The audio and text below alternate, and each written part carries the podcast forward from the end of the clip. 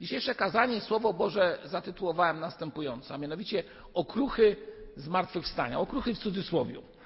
Dlatego, że zmartwychwstanie to stały pokarm, w co wierzymy, ten tak zwany stały duchowy pokarm dla wielu. Ale okazuje się, że kiedy mija czas świąt, w których wspominamy śmierć i zmartwychwstanie naszego Pana Jezusa Chrystusa, niektórzy o zmartwychwstaniu w ogóle nie mówią, a jeżeli mówią, to tak jak właśnie ostatnim rzędem mówiłem w kontekście obawy, co przed nami, lęku przed tym, co jest niewiadome, przed sytuacją, w której jesteśmy. I okazuje się, że zmartwychwstanie dla niektórych może być inspiracją i siłą do życia, a dla niektórych pytaniem, czy faktycznie jest ono, czy ma jakikolwiek sens, czy ja tego zmartwychwstania doświadczę, czy tak jak Jezus będę mógł zostać wzbudzony z martwych, być przy Panu Jezusie Chrystusie.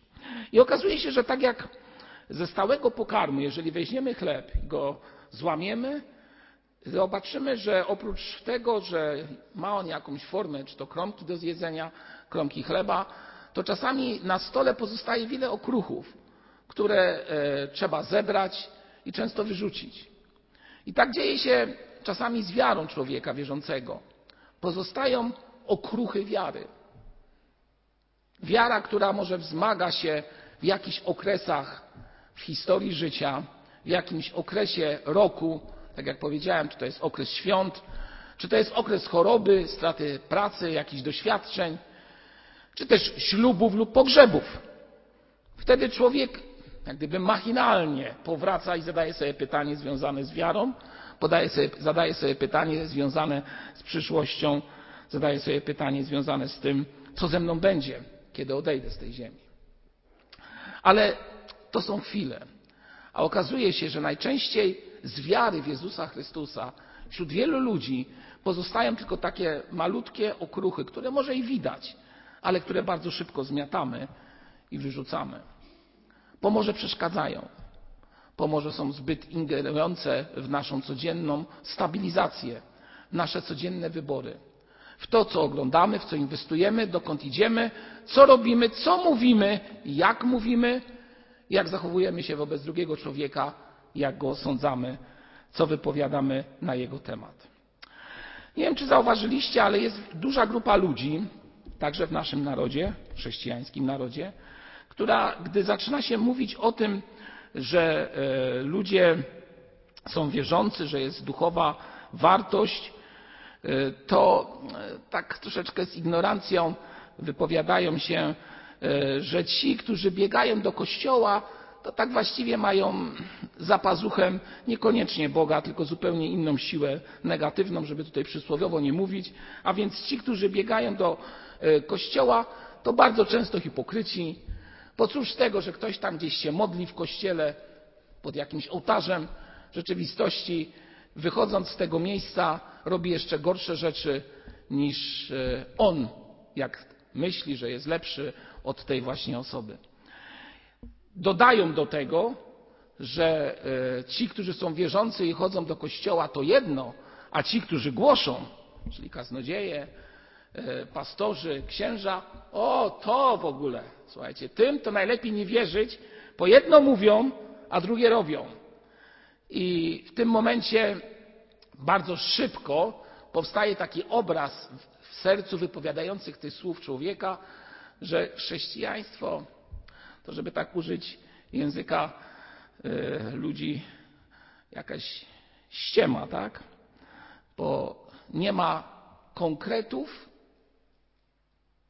w życiu codziennym, a są tylko deklaracje. Ideowe bardzo często. I taka postawa w sercach niektórych doprowadza do tego, że czują się usprawiedliwieni. No bo ja nie jestem zły. Jestem prawy, pomagam, służę drugiemu człowiekowi. A ten to ma wszystko, nie będę mówił gdzie. Czy spotkaliście się z taką postawą? Spotkaliście się, drodzy, z takim oskarżeniem wobec Was czynionym? Ja się spotkałem. No, ja jeszcze tym bardziej, bo czasami jest też określenie dosadniejsze, które jest wypowiadane przez niektórych, a mianowicie kaznodzieja, faryzeusz, a nie kaznodzieja. Tam Co tam kaznodzieja? Faryzeusz.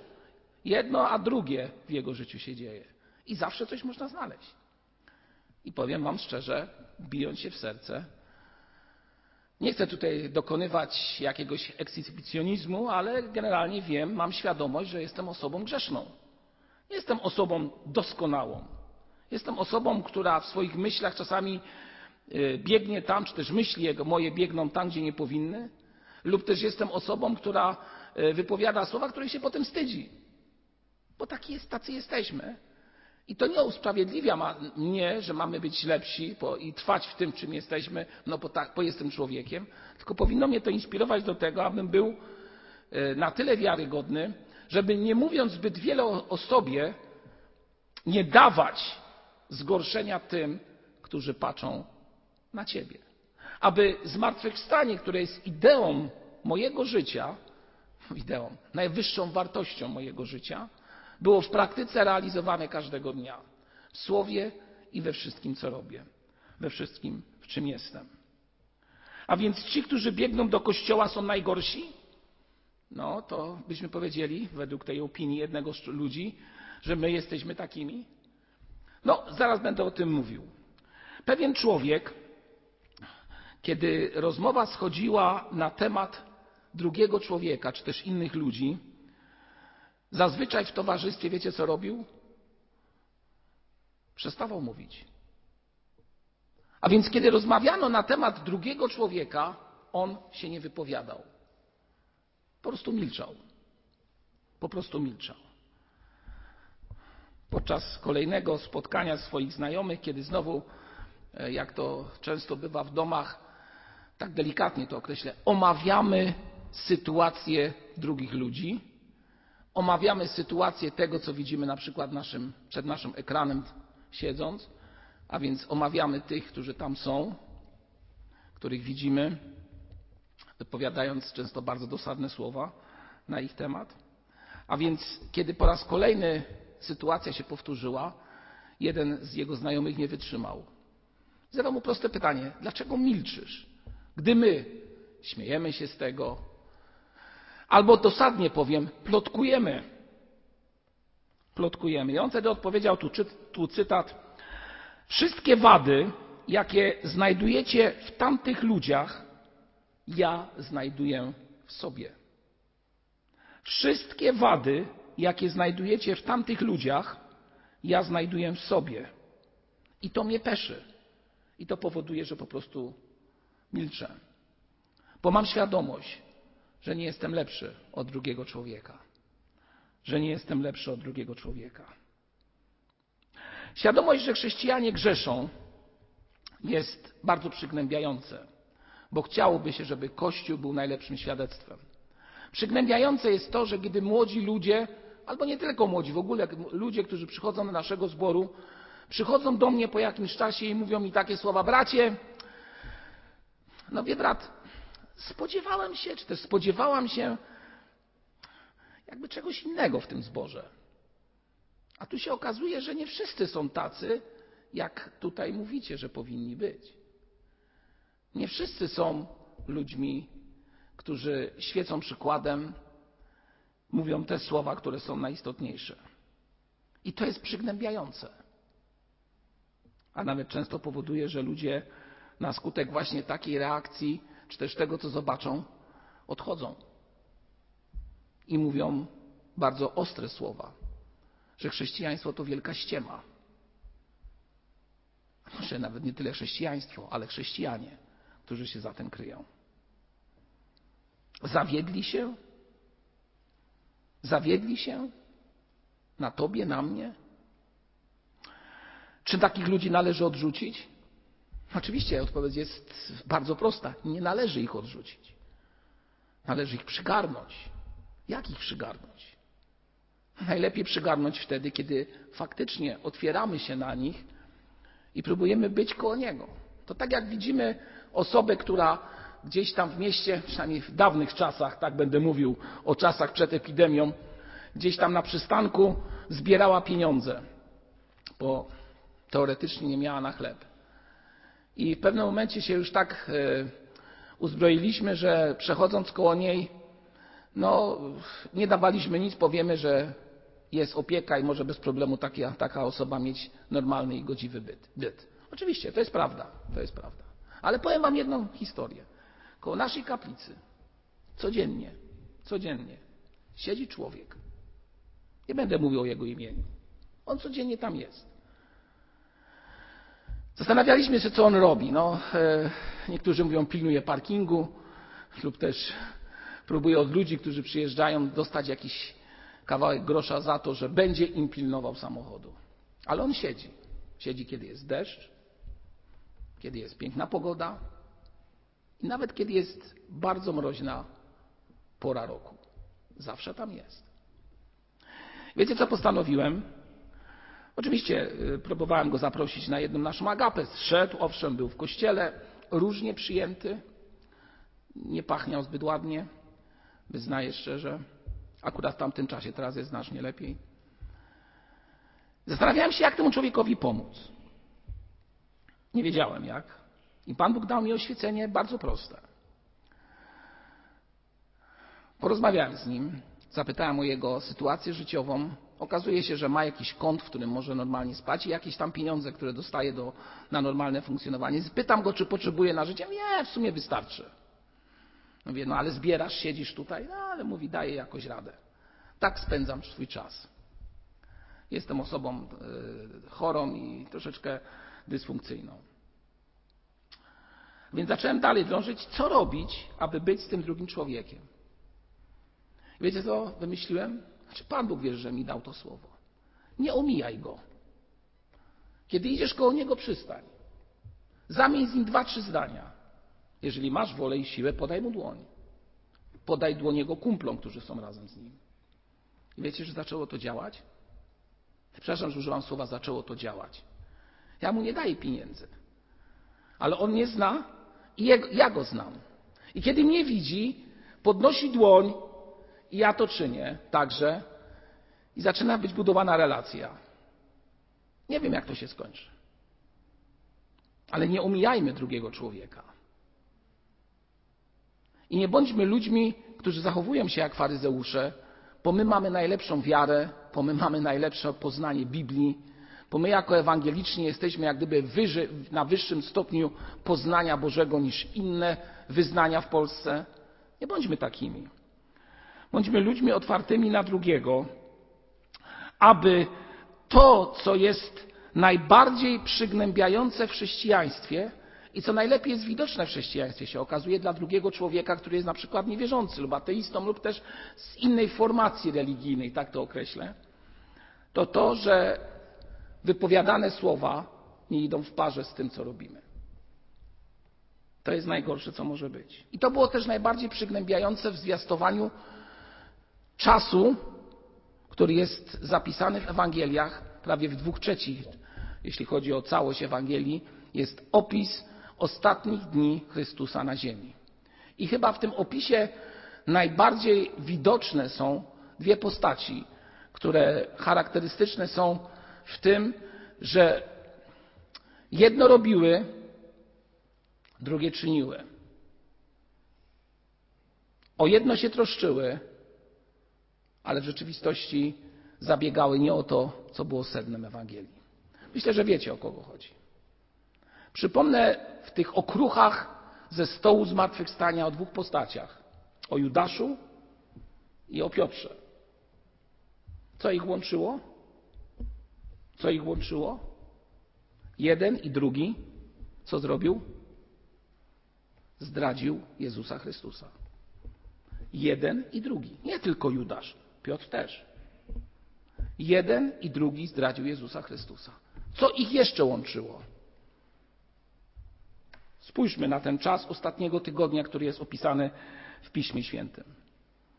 Łączyło ich to, że jako ludzie bliscy naszemu Panu Jezusowi Chrystusowi doznali niesamowitej obecności, tak bym powiedział, naszego Pana Jezusa Chrystusa, który wyraził się w tym, że Jezus był przy nich, wręcz dotknął ich bardzo konkretnie.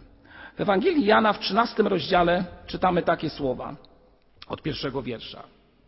Przed świętem Paschy Jezus, widząc, że nadeszła godzina Jego odejścia z tego świata do Ojca, i teraz posłuchajmy, bardzo istotne słowa, umiłowawszy swoich, którzy byli na świecie, umiłował ich aż do końca.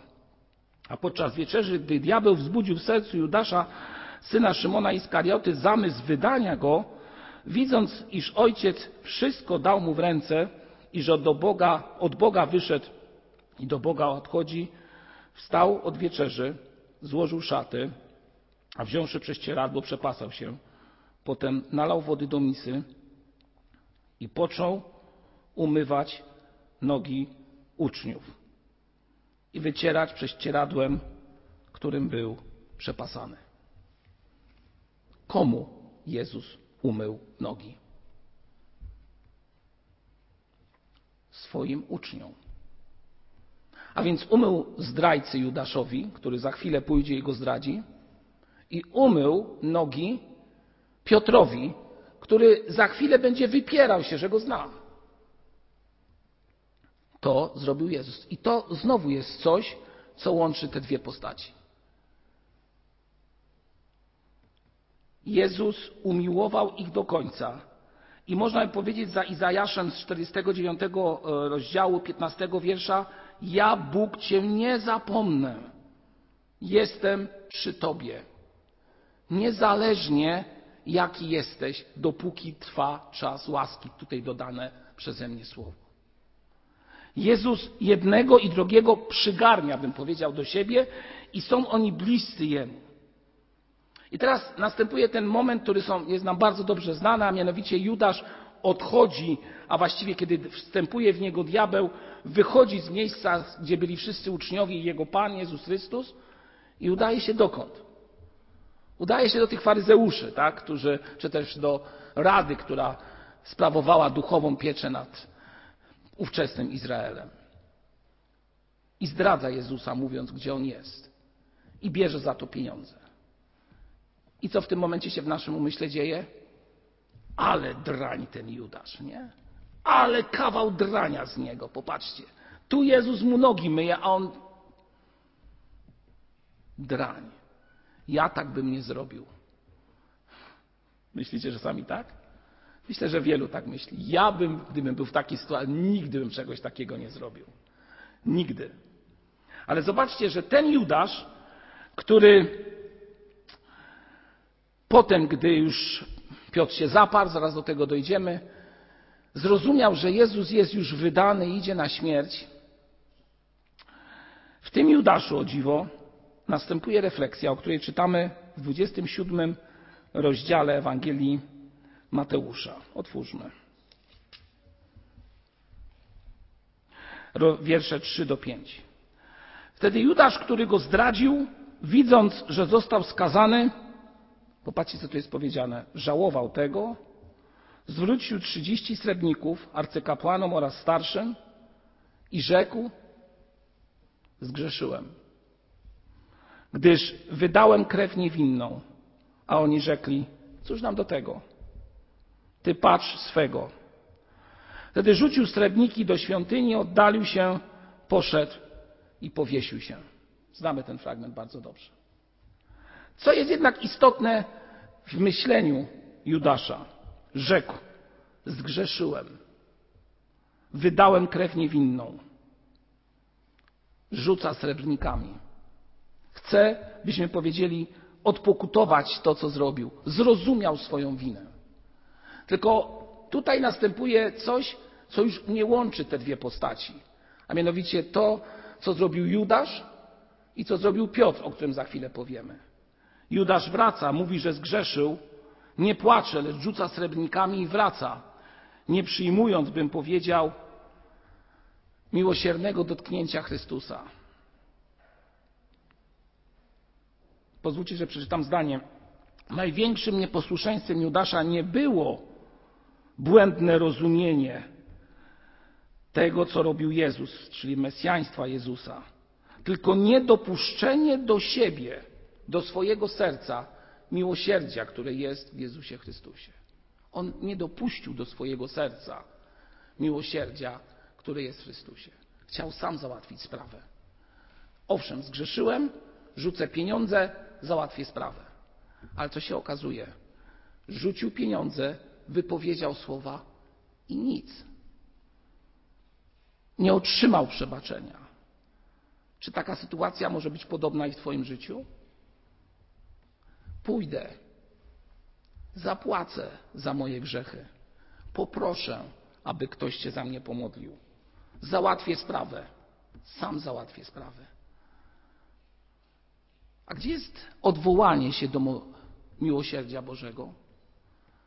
Gdy nie odwołasz się do tego, że w Chrystusie jest łaska przebaczenia i nie poprosisz Chrystusa o przebaczenie, to miłosierdzie nie dojdzie do Twojego życia. Możesz czuć chwilowe zadośćuczynienie, ale to nie będzie miało żadnej wartości. I konsekwencja będzie taka, że albo będziesz w gorszym stanie, albo tak się stanie, jak stało się w przypadku Judasza, że widząc, że nie zostało mu przebaczone, przynajmniej tak to rozumiał, poszedł i powiesił się. W przypadku Piotra zaś widzimy bardzo charakterystyczne sprawy. Otwórzmy Ewangelię Łukasza, 22 rozdział i spójrzmy na tę tą historię zmartwychwstania, którą nazwałem w cudzysłowie okruchami, a w rzeczywistości jestem przekonany, że jest ona dla nas wszystkich no, wielką zachętą. 22 rozdział Ewangelii Łukasza. Już tylko otworzę i będziemy wspólnie czytać ten fragment.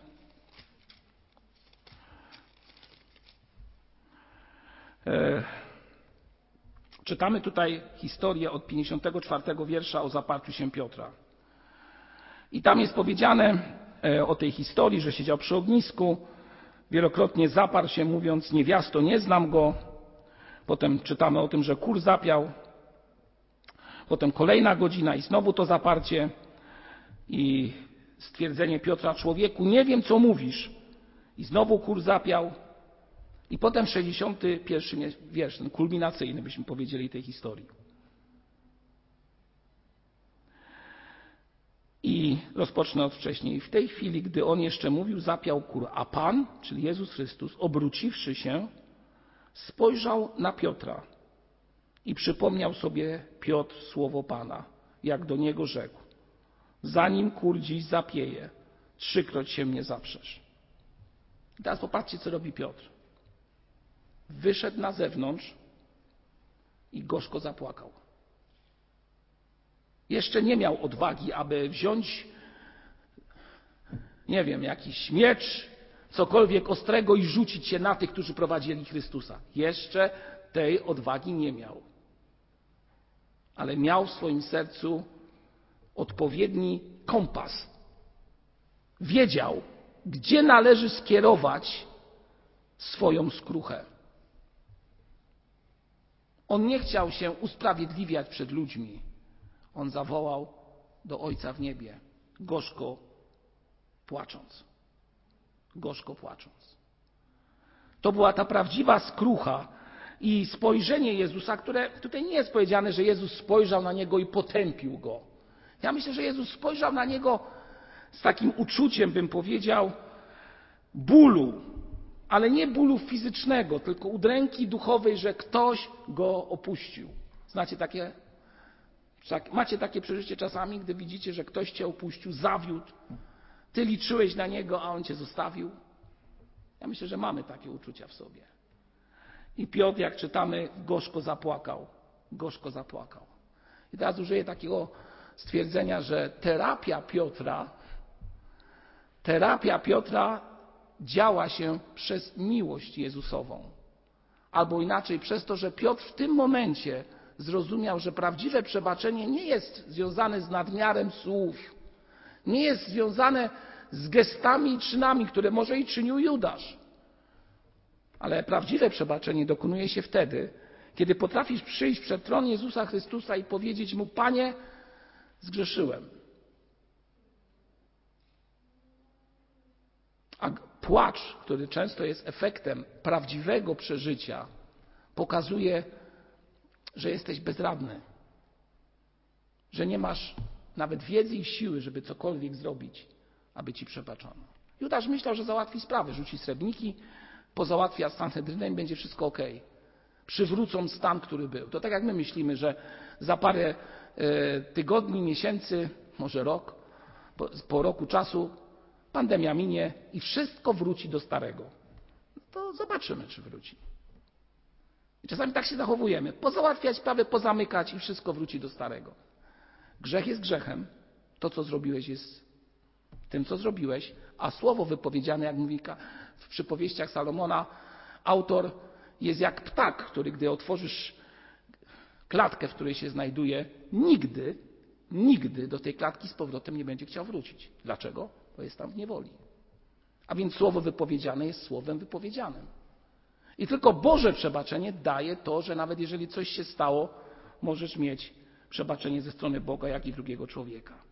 A więc Piotr przeszedł terapię, tak bym powiedział, prawdziwej miłości, którą doznał w Jezusie Chrystusie. Terapię, bym powiedział, dziecka. Bo tylko dziecko, dziecko potrafi ufać prawdziwie. Dorosły z tą ufnością ma problemy. Dorosły z tą ufnością ma problemy. Zbyt dorosły, zbyt pewny siebie, zbyt pewny siebie ma myślenie, że wszystko sam załatwi, wszystko sam ogarnie. A chrześcijaństwo polega na tym, że owszem, w tobie jest siła, którą Pan Bóg ci daje, ale to Chrystus, czy też powierzenie się Chrystusowi daje ci możliwość do tego, aby wzrastać i przejść zwycięsko przez trudne, najtrudniejsze chwile w Twoim życiu. Człowiek zbyt silny to przykład, zachowuje się, i tutaj obraz, jak zamek warowny, który nie chce się poddać. Jak zamek warowny, który nie chce się poddać. Ale dopiero poddanie się Chrystusowi, tak jak uczynił to Piotr, który zrozumiał, że jest cienki bolek, tak byśmy powiedzieli. Nic warty po prostu. Co z tego, że krzyczał, Panie, napominał, nie możesz tego zrobić, Panie, to, to. Ile on słów powiedział, ile on, ile on deklaracji złożył, ile on wszystkiego powiedział. I kiedy przyszła próba, taki malutki. I kiedy zrozumiał swoją małość, wtedy nastąpiło prawdziwe zwycięstwo. Kiedy ja rozumiem swoją małość, niekompetencje, kiedy potrafię zrozumieć, że tak właściwie moje poznanie, które mam w porównaniu z Jezusem czy z kimkolwiek jest takie, a moja duchowość, która wydaje mi się, że jest w miarę dobra, w rzeczywistości jest namiastką tego, czego oczekuje Chrystus. Wtedy ten mój warowny zamek, który tutaj opisuję, może doprowadzić do tego, że otworzę się na Chrystusa już nim nie będę, tylko jak dziecko będę prosił, Panie, pomóż mi. I wtedy nastąpi wyjście z izolacji siły do relacji z Chrystusem, do czego Was bardzo gorąco, szczerze zachęcam. Moi drodzy, dwie postaci, dwie postaci byśmy powiedzieli hańba Kościoła. Bo gdy się czyta o nich, to to zdrajcy, słabe usze i tak dalej, i tak dalej, byśmy powiedzieli. Ale w rzeczywistości zarówno jeden, jak i drugi był umiłowany przez Chrystusa, jeden, jak i drugi był przez tego Chrystusa przygarnięty. Tylko jeden zrozumiał to, co Chrystus mówił do niego, a drugi myślał, że zrozumiał. I ten skończył tak, jak skończył, a drugi został powołany przez Chrystusa do tego, aby nieść Ewangelię innemu. I otrzymał to, co najważniejsze przebaczenie. I teraz podsumowanie, moi drodzy. Kwestia przebaczenia w naszym życiu.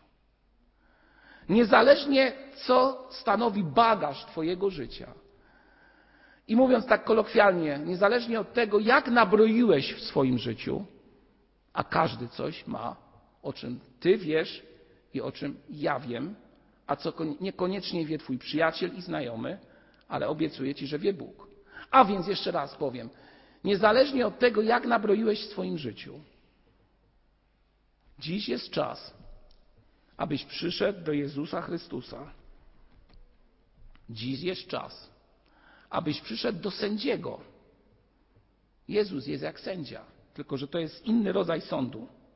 To jest sąd, który wydobywa z człowieka to, co najcenniejsze, a nie potępia go. Sąd ludzki działa w jaki sposób? W sposób sprawiedliwy, byśmy powiedzieli po ludzku. Zapłata za wykonany czyn, zgodnie z prawem równa się temu, temu, temu. A więc, nie wiem, kara więzienia, kara grzywny, różnego rodzaju kary. W przypadku Jezusa Chrystusa to jest inny rodzaj sądu. Jeżeli szczerze przychodzisz przed Jego oblicze i wyznajesz, Panie, zgrzeszyłem, nie jestem godzien, już nie jestem wielkim herosem, który potrafi wszystko załatwić. Jestem jak dziecko i potrzebuję Twojej pomocy, bo sam nie daję rady. Wtedy odbywa się sąd miłosierdzia. A ten sąd jest niczym innym jak przebaczeniem Tobie. Moi drodzy, jesteśmy w czasie nie pandemicznym, nie w szczególnym, jesteśmy w czasie, który trwa już prawie dwa tysiące lat. Wiecie, jak się ten czas nazywa? Jest to czas łaski. Czas albo era łaski. I dopóki ten czas trwa, trwał dla wielu pokoleń i trwa dla wielu pokoleń tutaj dla nas także. Przyjdźmy przed tron Chrystusa. Tak bardzo górnolotnie mówię. Po prostu przyjdźmy i powiedzmy przed Nim: Nie jestem godzien, abyś mi przebaczył, ale spójrz na mnie, tak jak spojrzał Jezus na Piotra. I daj mi siły, abym mógł powiedzieć: Już sam nic nie mogę, tylko Ty możesz oczyścić mnie, przebaczyć mi i dać mi nowe życie, nową wartość. I wtedy będzie prawdziwe zwycięstwo. I wtedy nastąpi to, że zatriumfuje ta prawdziwa miłość, która emanuje z krzyża, a skorupa człowieczeństwa i przyzwyczajeń, które masz, pęknie.